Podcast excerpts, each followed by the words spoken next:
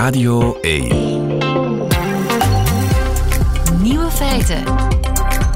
Met Lieven van den Houten. Dag en welkom bij de podcast van Nieuwe Feiten, geïnspireerd op de uitzending van 21 december 2022. In het nieuws vandaag dat Britse wetenschappers het ideale kopje thee hebben ontdekt. In Engeland, dat weet u, is er heel weinig dat niet door een kopje thee kan worden opgelost. Zo is thee een belangrijk wapen tegen burn-outs van ziekenhuispersoneel. Vandaar het belang van het onderzoek. En na ingewikkelde berekeningen komen de professoren tot deze conclusie. Zo bereidt u het ideale kopje thee. Noteert u even. 240 milliliter vers gekookt water in een onverwarmde kop gieten.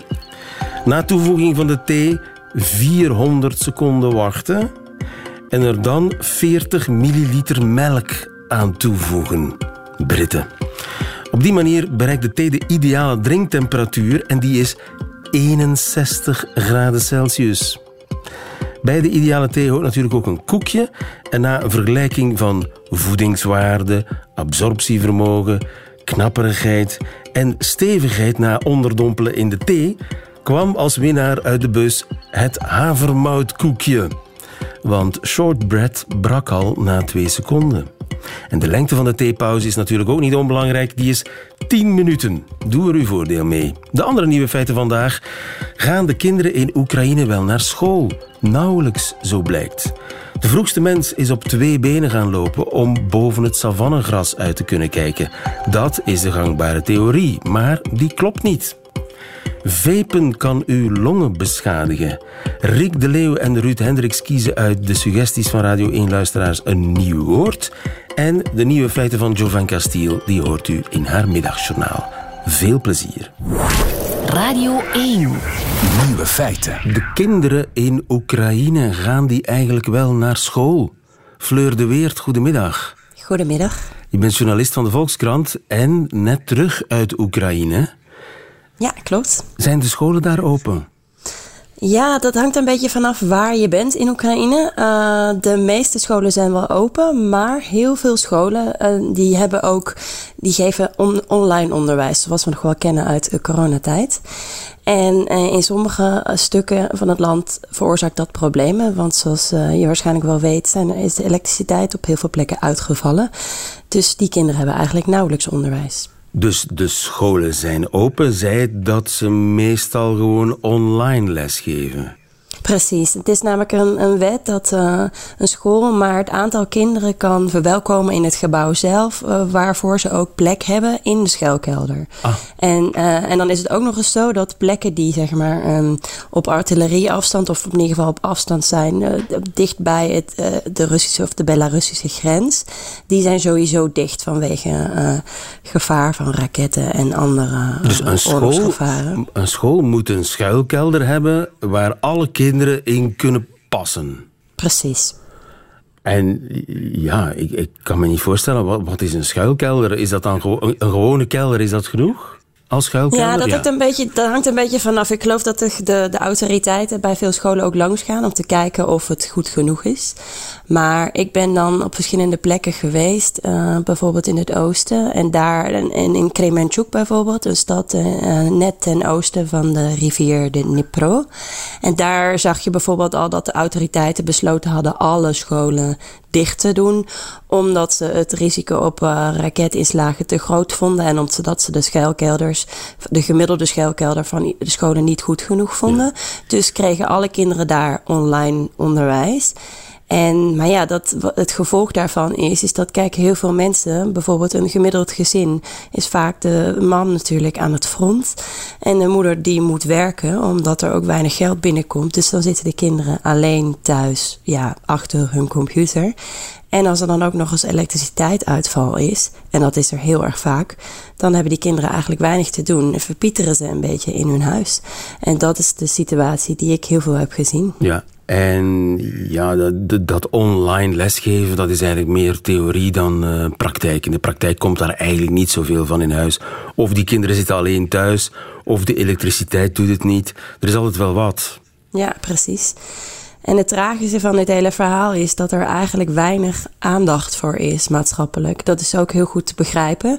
Mensen zijn gewoon druk met de oorlog. Er is gewoon, ja, er is gewoon weinig ruimte om over andere dingen na te denken. En ook het ministerie zegt, we hebben het online geregeld. Dus het is in principe in orde. Maar ja, dat is wel ook heel tragisch voor die kinderen. De ouders zeggen ook, ja, ik wil niet te veel kritiek leveren op de overheid, op zoiets. Want het is belangrijk dat we nu met z'n allen achter de overheid blijven staan. Want eh, onze inzet moet nu allemaal gaan over de oorlog. En ja, op het moment dat het alleen maar gaat om ja, het bestaan van je land, dan, dan heb je, voelt zoiets als onderwijs best wel secundair. Ja, terwijl het wel belangrijk is. Want ja, we hebben net de coronatijd gehad. Die kinderen hebben eigenlijk al een achterstand. Ja, als, als, als dat conflict nog enige tijd blijft duren, zit je daar met een verloren generatie. Ja, nou dat is precies ook wat, uh, wat, wat sommige ouders wel tegen me zeiden. Maar alsnog zeggen ze, ja we, we, ja, we gaan hier nu geen kwestie, grote kwestie van maken. Je moet ook begrijpen, zo'n land in oorlog, mensen hebben bijna allemaal vrienden, familieleden in, in in, de, uh, ja, in het leger. Mensen hebben heel veel mensen verloren om hem heen. Veel mensen zijn gevlucht. Het heeft gewoon, iets als onderwijs heeft op dit moment gewoon weinig prioriteit. En daarbij is het ook nog zo. Ik sprak een, um, onderwijs, een, een, directrice van een school, een privéschool.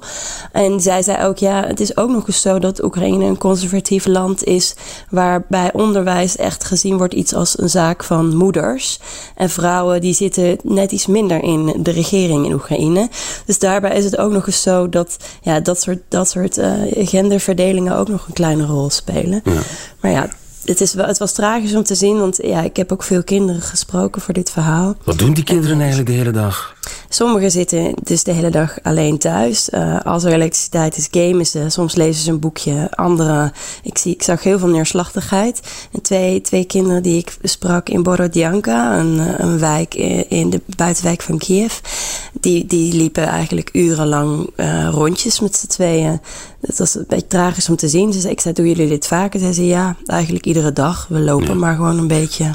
En dat is dan Kiev, want je had het er net over het oosten, waar de situatie natuurlijk precairder is. In Kiev uh, is, is precies hetzelfde probleem. Ja, in Kiev ook, want deels, uh, de, delen van Kiev hebben wel, uh, is er wel school. Maar ook daar gaat natuurlijk vaak het luchtalarm. En de regel in Kiev is dan weer op de meeste plekken dat als het luchtalarm op een dag gaat, dat die dag en de dag erna geen school is, geen uh, fysiek school. En uh, deze kinderen die woonden in Borodjanka. En dat is zeg maar een buitenwijk, een dorpje net buiten Kiev. Dat ook um, bezet is geweest door de Russen. Dus voor dat soort gebieden geldt dan ook weer dat er überhaupt geen fysiek onderwijs ja. is. En privéonderwijs, ik hoorde je net privéonderwijs uh, noemen. Bestaat dat in Oekraïne?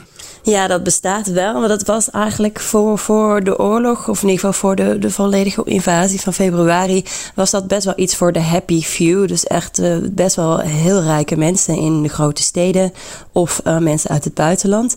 Maar je ziet dus nu dat, dat wel, dat steeds meer mensen een, toef, uh, ja, een toevlucht nemen tot privéonderwijs. Dan betaal je echt een stuk meer. Maar dan heb je wel, um, ja, de meeste plekken hebben zij, is daar wel, die regelen wel dat er fysiek onderwijs is. Ja. Want zijn de, de ouders die zich zorgen maken, zijn over het algemeen ook natuurlijk vaak de hoger opgeleiden die, en die daar het geld voor hebben om daar iets aan te doen. En die proberen hun kind dan toch op zo'n school te krijgen. Maar de paar scholen die ik heb gesproken, die zeiden dat er wachtlijsten zijn. Ja. Dus hele rijke mensen die uh, ja, ontspringen de dans, als het ware, wat het natuurlijk nog tragischer maakt. Zijn er genoeg leerkrachten? Dat vraag ik me ook af, want iedereen is toch onder de wapens of ergens uh, in de oorlog of gevlucht? Nou, dat is inderdaad ook een groot probleem. Er zijn heel veel docenten gevlucht en die zitten dus in West-Europa, vooral vrouwen met jonge kinderen die gevlucht zijn, die gaan ook niet terug. Uh, dus dat, daar is, de, ik heb geprobeerd cijfers achter te komen, maar er zijn geen um, actuele cijfers van. Maar het gaat echt om duizenden docenten die ook gevlucht zijn. Uh, die proberen het soms ook wel online vanuit dan hun, uh, ja, hun nieuwe woonplaats te regelen, maar ook dat valt niet mee.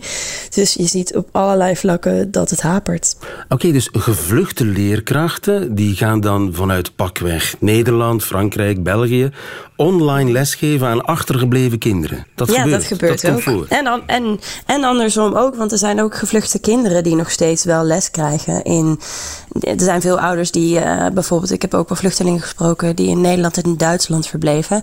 En die willen heel graag terug uiteindelijk, maar niet, vinden het nu nog te onveilig. Of komen uit een gebied waar het echt heel onveilig is op dit moment. En dan, dan hebben ze dus wel dag, eh, overdag hebben ze onderwijs in, in Noem Duitsland de hele dag. En dan gaan ze s'avonds nog extra lessen nemen. Dus ook daarbij zie je Ja. een soort van. eh, ja, er zijn best wel veel werk in, in het onderwijs ook op- in Oekraïne. Omdat heel veel ouders op afstand ook graag willen dat Ja. hun kinderen alsnog Oekraïens blijven leren.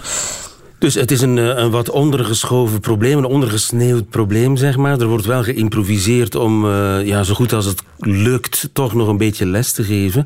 We hebben het nog niet gehad over de hogescholen en universiteiten. Hoe zit het daarmee? Gaan die nog door? Over het algemeen is het daar ook eh, eh, eh, online. Want daar is het probleem nog groter qua gevluchte docenten. Dat heeft ook mee te maken dat heel veel mensen die gevlucht zijn naar West-Europa zijn. Dat zijn ook vaak de mensen die wat hoger opgeleid zijn. En als je het hebt over docenten op eh, hogescholen en universiteiten, zijn dat vaak mensen die ook een internationaal netwerk hebben. En die dus ook in het buitenland kunnen werken en dat ook doen. Dat klinkt misschien een beetje, nou ja, goed, omstreden, maar dat is het niet. Want er zijn ook veel, ehm, er zijn ook veel eh, mensen die afhankelijk zijn van hun familieleden in het buitenland om geld te verdienen. Dus je hebt ook mensen die bijvoorbeeld een universitaire docenten, in dit, en vrouwen dan, hè, want de mannen die moeten natuurlijk in Oekraïne blijven ehm, tot een bepaalde leeftijd. En vrouwen die zijn dus juist ook eh, vaak gevlucht om dan in Europa maar in ieder geval geld te kunnen verdienen. Om de familie, eh, opa, oma, vrienden in, in Oekraïne te kunnen onderhouden. Nou is het dus zo dat ja, on- online het afgelopen jaar, dus eh, vorig jaar, is het ehm, op een gegeven moment het academische jaar min of meer opgeschort. Er zijn nog wel wat docenten individueel geweest die die dingen hebben ondernomen. Maar dit jaar is het weer opgestart. Maar ook nu zie je daarbij ja, dat het gewoon bijna niet lukt. Je moet je voorstellen, eigenlijk bijna overal in Oekraïne, van oost tot west, zijn er elektriciteit eh, blackouts gepland om gewoon elektriciteit te sparen. En er zijn ook nog eens bij iedere, bijna iedere week is er natuurlijk een aanval. En dan zie je daarna ook weer een paar dagen nauwelijks elektriciteit. Dus ja, mensen zijn heel erg individueel bezig met om ze proberen toch maar zelf dan hun, hun boeken te lezen, et cetera. Op, op de universiteit en hogescholen wordt wel, daarover wordt wel gezegd dat dat iets minder. Nou ja, de mensen die ik sprak, die vonden dat minder nijpend als bij kinderen op middelbare schoolleeftijd. Omdat het sociale aspect, dat is ook belangrijk natuurlijk eh, voor, voor eh, studenten. Maar als het echt om kinderen gaat, is dat nog wel iets schrijnender. Ja. Een onderwijscrisis is het ook in Oekraïne. Fleur de Weer, dankjewel. Goedemiddag. Het ontbreekwoord. Rick de Leeuw gaat op zoek naar woorden die in onze taal helaas nog niet bestaan. We maken de geboorte mee van een nieuw woord. Zo gaat dat op woensdag in Nieuwe Feiten. En u vindt overigens de lijst met al die ontbreekwoorden van de voorbije woensdagen op radio1.be. Goedemiddag, Rick de Leeuw. Goedemiddag. Rick de Leeuw, beschermheer van het ontbreekwoord. Goedemiddag ook Ruud Hendricks. Hallo. Hoofdredacteur bij Vandalen en zoals altijd jury vandaag. Rick, we gaan een woord geboren laten worden. De luisteraar van Radio 1 die kon allerlei suggesties insturen. Wat was de opdracht? We zochten naar een woord voor de blijdschap die we soms moeten veinzen als we een cadeau ontvangen dat niet aan onze verwachtingen voldoet. Ja. En een regelmatig voorkomend fen- fenomeen, zeker in de decembermaand, dan steekt het meer ineens de kop op. Het, Ja. het meest werd door de luis- luisteraars blijdschap gesuggereerd, maar dan blijd met EI en T. Als Ja, in blijten, Ja, ja. huilen. Ja, ja, ja, ja, goed gevonden, maar Het werkt niet goed, hè? werkt alleen Maar, op papier. Ja. Juist, juist. Een andere suggestie die meermaals bij ons binnenkwam was schijndank. Onze oprechte dank voor alle inzendingen. Bij elkaar vormden ze een schitterend cadeau dat we inderdaad zonder enige terughoudendheid in ontvangst hebben genomen. Zonder was, schijndank. eh, Zonder schijndank, zonder, zonder blijdschap. Het was, eh, eh, het was weer een mooie vangst deze week. Zal ik de top 7 doen? Ik kan nauwelijks wachten, Rick. Ruud, ben je er klaar voor? Jazeker. Bon. Eh, Olivier de Keur komt met het Pyrrhus cadeau. Hé, hey, dat vind ik goed. Een Pyrrhus cadeau. Pyrrhus cadeau. Ja, Goed ja, gevonden, ja, heel goed gevonden. Verrassend. En, en ja, inderdaad, je hebt dat element Pyrrhus zoals in Pyrrhus-overwinning. Ja, dus... eh, Winning die er geen is. is- Een cadeau dat er is eigenlijk een geen is. Cadeau dat Ik vind er het slim. ja, het is, het is heel goed, ja. Oké, kanshebber. Olivier. Olivier kent zijn klassiekers. Eh, Jaap Heemskerk komt met huigeljuichen. Nou, huigeljuichen. Dat, Mooi klankrijm, fraaie Ja, tegenstelling in één. maar nauwelijks uit te spreken. Huigeljuichen. Juichel, juichel. Eh, Als Ja, West-Vlaam. Ben je, ben je West-Vlaams? Ik? Nee. Nee, sorry, ik- maar het is gewoon de... Huigeljuichen. Ja, Oh, ja. Mooi gevonden, maar moeilijk uit te spreken. Oké, Hans, Karsen, Hans Karsenberg zit in hetzelfde straatje met een fijnschrijns. oké. Ja, ook niet slecht. Fijnschrijnzen. Ja. Ik- Ja, alhoewel een grijns is eigenlijk al Ja. geen echte lach, hè? Ja, er zit, er het is een beetje. Het is dubbel op. Hè? Dus een, een grijns is al een valse lach. En je gaat dat nog eens heel erg vals maken. Oké. Maar ja, oké. ja. Misschien iets te grimmig voor het feestelijk karakter van het moment. Next. Eh eh, Kiet Stor komt met bonnetje blij. Bonnetje blij. Ik ben blij Dus met het doet bonnetje. En je doet blij en je hoopt tegelijkertijd dat ze het bonnetje erbij hebben gestoken, zodat je het eventueel nog kan ruilen. Nog ik ben bonnetje blij. Ja. Oh, wat een prachtig eBay-cadeau. eBay blij. Zou ook kunnen. Hè? ja, eBay blij. Ja. All right. Bonnetje blij, ik vind het, ja. Ja, ik vind het ook heel mooi. En er, zit, daar hangt iets achter. Eh, Toon Kaars komt met sneuforie. Sneuforie. Dus Ja. Dat is al een beetje een is- doordenker, hè? ja, dat is een doordenker. Ja. ik hoor het, het rode lampje van de woordspeling op de achtergrond. De woordspelingpolitie. Ja, Ja, ja, nee, nee, nee. Jan van Melen komt met fantoziasme. Dus een samentrekking van fantoom en enthousiasme. Een, een, ja, een, Ja. een, een fantoomenthousiasme. Niet, niet slecht, maar een beetje moeilijk ook. Hè? Je moet het uitleggen. ja. Ja. Oké. Inderdaad iets te woordspelerig. Maar Annelien Luik heeft fantoomvreugde in de aanbieding. Fantoomvreugde vind ik ook niet slecht. Zoals fantoompijn. Pijn, Het is vreugde die... Het, is, het, het wordt moeilijk vandaag. hè. Spookvreugde eigenlijk. Ja, Ja, ja, fantoomvreugde. Ja, ja, niet slecht. Niet slecht. Ja. Niet slecht, niet slecht. En omdat Jan van Melen en Annelien lijken zo dicht bij elkaar lagen, dacht ik, we gooien ook de suggestie van Nicole Rousseau er nog in. Breed smoel kikkerblijheid. Breedsmoel kikkerblijheid lijkt een Duits woord. Breedsmoel kikkerblijheid. In Duitsland volgens mij een hit. Nicole, maar ik vrees er een beetje voor dat dat in het Nederlands Ja, in het Nederlands eh, is het wel een heel lange samenstelling. Dat was je... De, Ja, maar het heeft wel die, de- dat zuinige mondje van die breed smoel kikker uit de grap. Ik, ik Ja, voel hem wel, ja, ik zie ja, hem. Ja, Ja, ja, ja, ja, ja, ja. Goed, oké. Ja. Het wordt een spannende. Ik heb hem... eh, Ja. Ik heb het al door. Goh, ja, ik moet nu een knoop doorhakken. Hè? Dus ik, Eh, ik vind bijvoorbeeld... Ja, eh, maar die, ja. Die, eh, dat- goed, ik laat me eh, even beïnvloeden. Ja, oké. Ik, ik zeg, Pyrrhus cadeau vind ik mooi. Ja, ik ook. Ehm huigeljuichen vind ik eigenlijk ook mooi. Ja. Eh, fantoomvreugde is eigenlijk het simpelste. Ja. Dat is fantoomvreugde, dat is fantoomvreugde. Dat moet je niet uitleggen. Ja. Het gaat tussen die drie, denk ik. Ja, hè. Nee. Dus Zullen we toch maar voor huicheljuichen gaan? Huigeljuichen? Ik kan het niet uitspreken twee keer naar elkaar, maar ik vind het Huicheljuichen. echt wel mooi gevonden. Sorry, West-Vlamingen. het wordt huigeljuichen. Oh, Jaap Heemskerk. Jaap Heemskerk die eh, bedacht het woord huigeljuichen en voortaan eh, staat dat op de ontbreekwoordenlijst en ik hoop dat u dat bij de kerstboom niet moet doen dit jaar. Rick, we hebben een nieuw woord nodig. Juist. Eh, gisteren Een nieuwe opdracht als het ware. Ja, gisteren hebben we jou in de uitzending aandacht besteed aan de nieuwe woorden in het jaaroverzicht van het Instituut voor de Nederlandse Taal. Juist, ja. Dat weet je nog. En naast Ikeaïsering, de groeiende Ikea-isering, gewoonte van prachtig woord. Hè? Ja.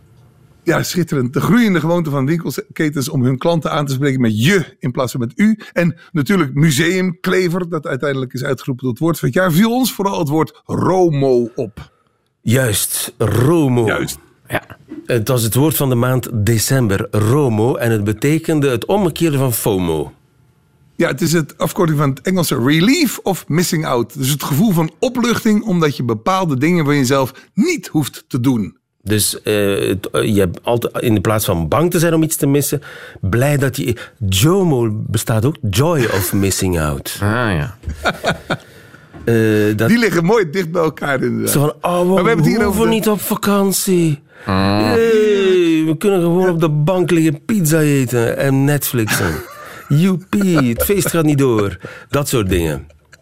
Dat Precies is die. Romo en FOMO. Maar dat zijn Engelse woorden, hè? Engelse afkortingen. Zijn we Ja, tegen, maar met het oog op de, op de verplichtingen van de komende weken. De eerste, tweede, derde, vierde kerstdag, oudjaar, alles ertussenin. En de eindeloze, eindeloze reeks nieuwjaarsborrels die daar dan weer op volgt. Lijkt me heerlijk om 2023 in te gaan met een nieuw Nederlands woord voor die opluchting. De fear of, de, de, de relief of missing out. Kunnen we daar één woord voor vinden? Een Nederlands woord, een Nederlands equivalent voor ROMO. Wat mij betreft mag het ook FOMO zijn. Het kan een combinatie zijn. Je kunt daar ook een eh, nieuw woord... Dus meteen als je het eh, nieuw woord voor het ene bedenkt... bedenk je misschien ook een, een, een nieuw woord voor het andere. Maar laten we ons concentreren op ROMO. Relief of Missing Out. Zet uw creativiteit aan het werk, laat je verbeelding spreken en de resultaten zijn welkom via de app van Radio 1 of eh, op de Facebookpagina van Rick de Leeuw. Dankjewel. En ja, nog eh, eh, fijne feesten. Ik durf het nauwelijks te zeggen, Rick. Want de luisteraar heeft wel enige tijd nu, want we horen elkaar pas in januari terug. En in, tegen die tijd hoop ik een, een heleboel suggesties van luisteraars te hebben. Tot dan. Heel Dank graag, heel graag. Er moois Leeuw. van. Dank, dank, dank. Nieuwe feiten.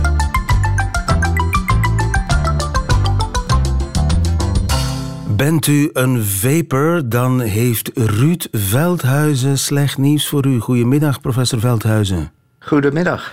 Van de Western University in Canada.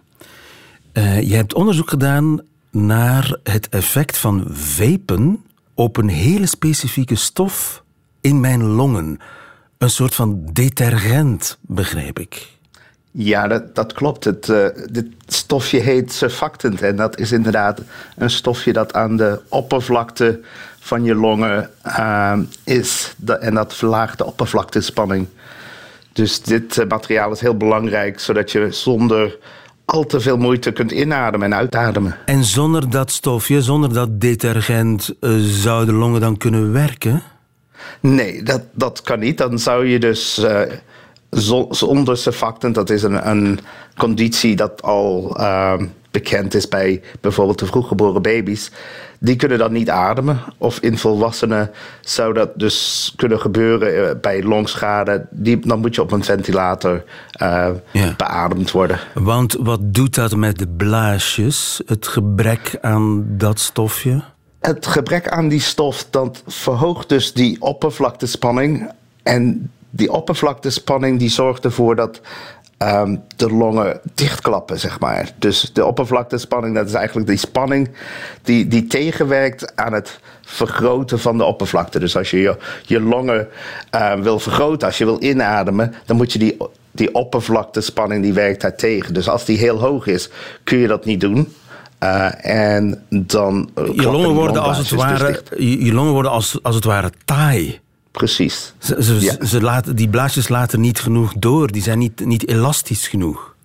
Precies, die, die, ehm, die klappen dicht in principe als je, je surfactant niet werkt. Oké, en dus om dat te gaan testen, wat de invloed van die, die waterdamp of die, die, dat, die vapor op die long en op dat detergent, eh, dan heb je, neem ik aan, een, een soort van long nagebouwd in het laboratorium. Ja, dus sowieso eh, ja, is het niet alleen ik, ook eh verschijnen hele goede studenten in ons lab. Ja. Maar wij hebben dat eh, detergent, ehm, dat hebben wij in het lab ehm, eh, beschikbaar. En daar hebben wij met een e-sigaret die damp of dat aerosol gemaakt. En daar dus in een, ehm, ja, in een spuit, zeg maar, waar we de oppervlakte van de vloeistof met dat detergent kunnen vergroten en verkleinen, hebben we daar dus uh, vapor of, of aerosol aan toegevoegd. En dan te kijken na afloop, na een, een vaping sessie van ongeveer wat wij dan denken 30 keer inhaleren uh, van, die, uh, van die damp. Wat er gebeurt met dat surfactant, met dat detergent. En wat zag u? We zagen dus dat, en wij begonnen vrij simpel met gewoon de vloeistof van de e-sigaretten, die zonder ook maar enige smaakstoffen of nicotine, gewoon de, de basis. En bij die basisvloeistof zagen we al dat het surfactant niet meer zo goed werkte nadat het aan die aerosol was uh, geëxposeerd. Ja.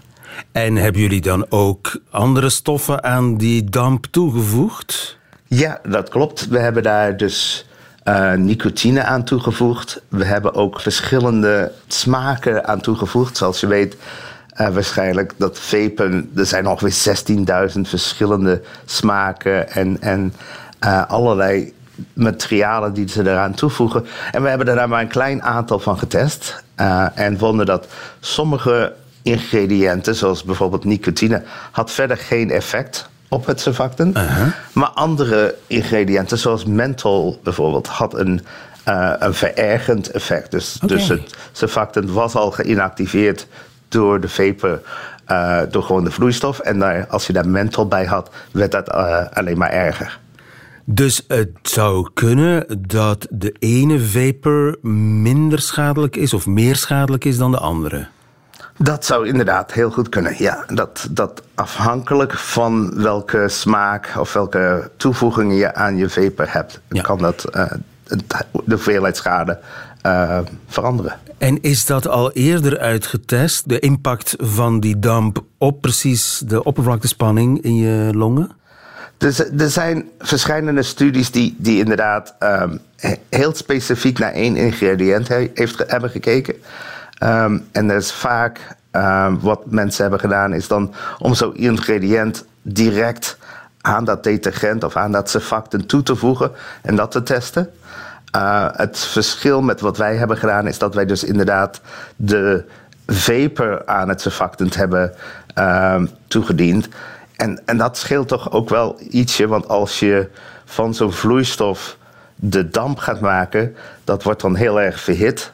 En dat, dat veroorzaakt dan weer de formatie van andere, andere stofjes dan in die eigenlijke vloeistof in het begin ja. zit. Dus jullie hebben um, meer een soort uh, real-life test gedaan? Geprobeerd, ja, ja, inderdaad. Voor zover dat mogelijk is. Nu, uh, dat klinkt heel gevaarlijk wat u daar zegt. Het klinkt heel gevaarlijk. Daar moet ik wel aan toevoegen dat natuurlijk iemand die een e-sigaret uh, rookt, die dan niet meteen uh, naar het ziekenhuis hoeft. Dat gebeurt niet bij iedereen oh, elke keer.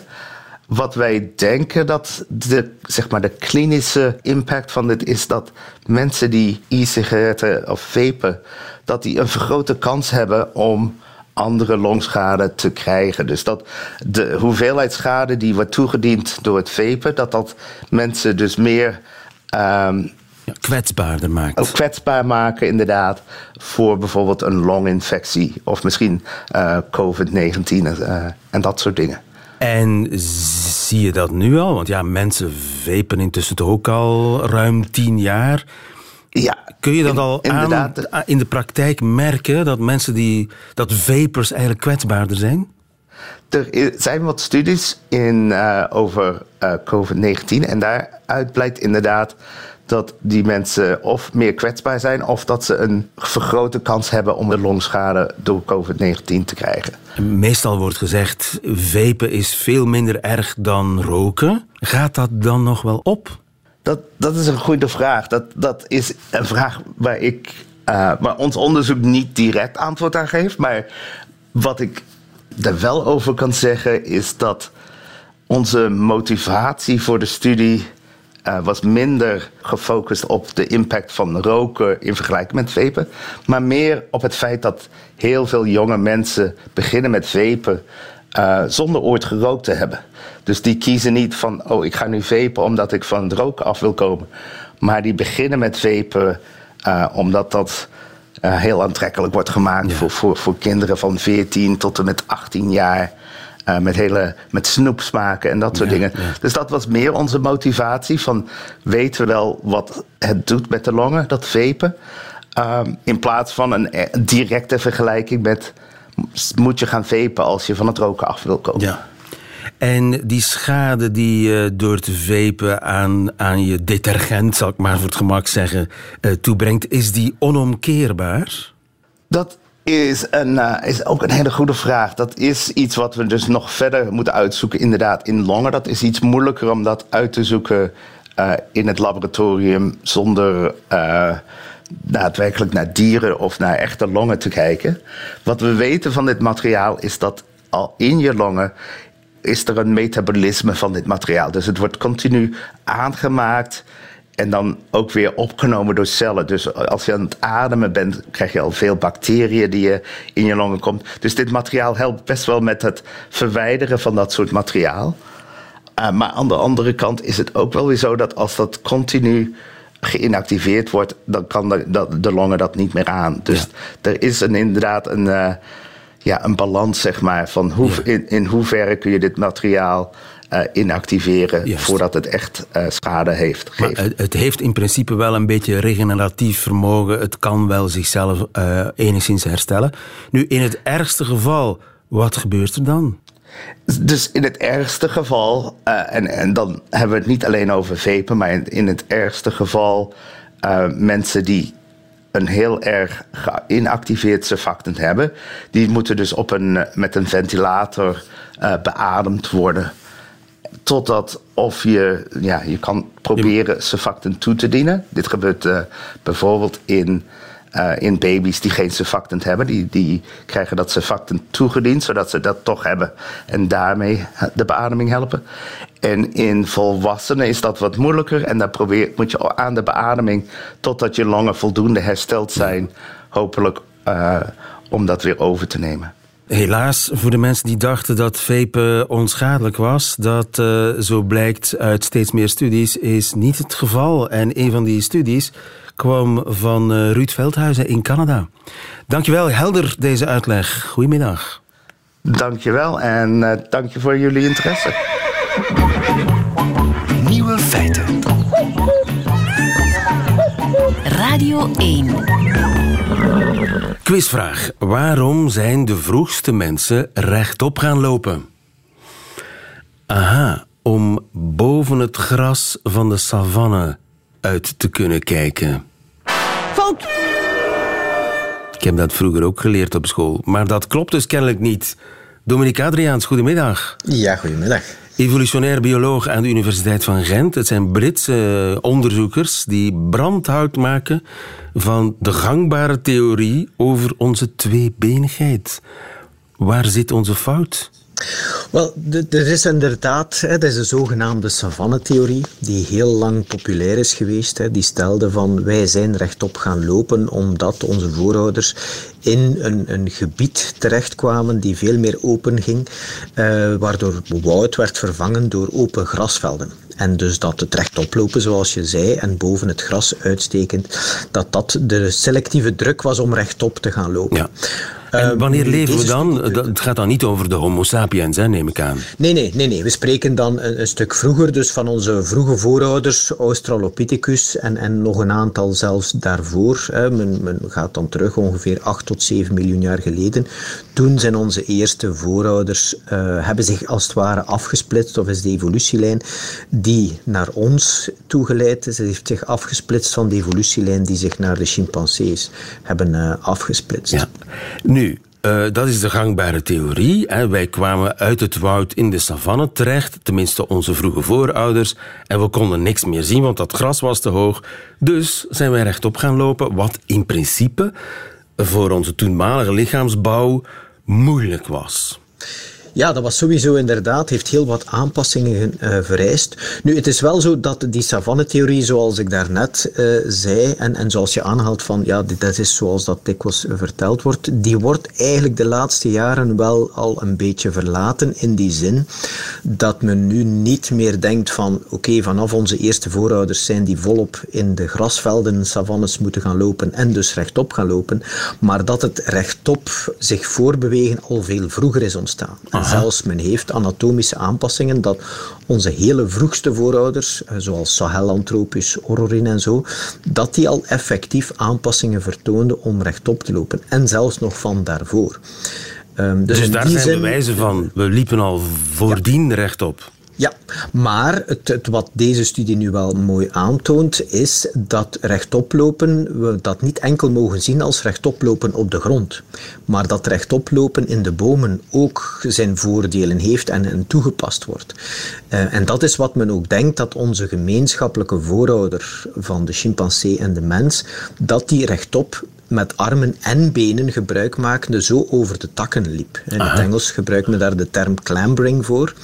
En dat daaruit, wij zijn dan meer op de grond rechtop gaan lopen, of onze voorouders, en chimpansees zijn meer gaan slingeren met de armen in de bomen en daardoor minder goed geworden in het rechtop lopen op de grond. Maar daar zijn dus anatomische bewijzen van. Dus beenderen, moet ik me dat zo voorstellen, die als je die bestudeert, kun je niet anders besluiten dan ja, dat wezen dat moet rechtop gelopen hebben.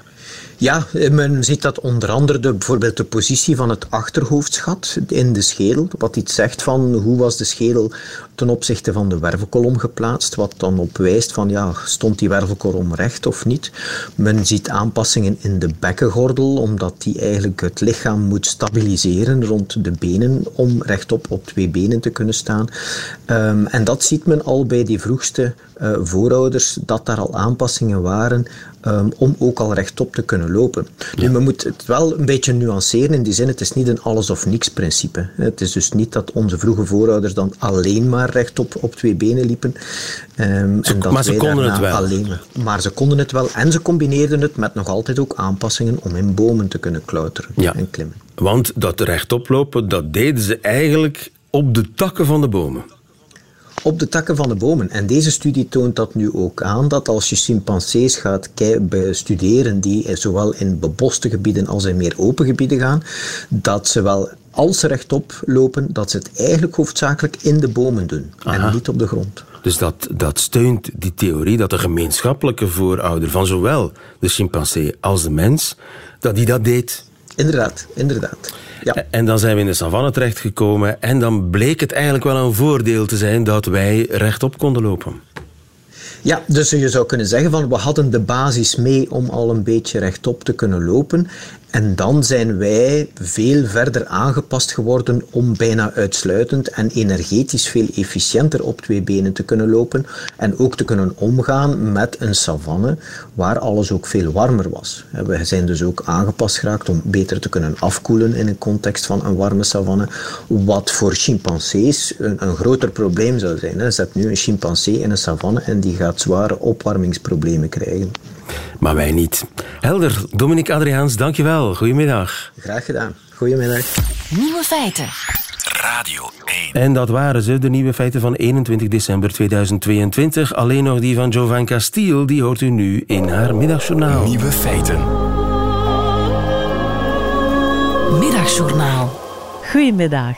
Ik weet niet of jullie het hebben gemerkt, maar voormalig pop-icoon Madonna is een beetje gek aan het worden. Madonna, een vrouw die jarenlang in uitverkochte stadions speelde, is nu dagelijks te zien op TikTok, terwijl ze met afgeschoren wenkbrauwen water drinkt uit een eetbak voor honden. Dus zeker een beetje minder cool dan 30 jaar geleden. Madonna was een van de grootste sterren ooit. In haar glorietijd droomde elke tiener dat zij of hij even cool als Madonna zou zijn. En nu lijkt het of Madonna ervan droomt dat zij ooit even cool als een tiener op social media zou zijn. Ze zeggen dat mensen verslaafd kunnen zijn aan bekendheid. En het lijkt dat Madonna dat echt is. En een verslaving aan bekendheid is niet zo makkelijk opgelost. Het is niet alsof Madonna gewoon naar een donker park in Antwerpen kan gaan op zoek naar een stuk van haar voormalige carrière. Hey, you there, here's 50 bucks. Follow me through the park and scream my name. Madonna, do it! Het is triest, want als Madonna niet gek was geworden, zou zij nu een legende zijn. Kijk naar Sophia Loren. Die vrouw is 88 jaar en iedereen houdt van haar. En één grote reden dat iedereen zoveel respect voor haar heeft, is dat er geen TikTok-filmpjes bestaan waarin Sophia op de vloer van haar badkamer ligt in een leren minirok terwijl ze liedjes van Cardi B playbackt. In de jaren 80 en 90 was Madonna het gewoon dat overal waar ze naartoe ging mensen enorme reacties hadden. Ik heb mijn dodde gezien in de luchthaven. Kom, snel, ik wil haar vertellen hoe ongelooflijk zij is. Maar tegenwoordig is het een beetje anders. Ik heb Madonna gezien bij de bakker. Kom, snel, loop weg, voor ze ons ziet. Maar ja, misschien hoort Madonna gewoon dat iemand haar naam aan het roepen is. En ze zal in zichzelf glimlachen en denken: Oh yeah, I've still got it, baby.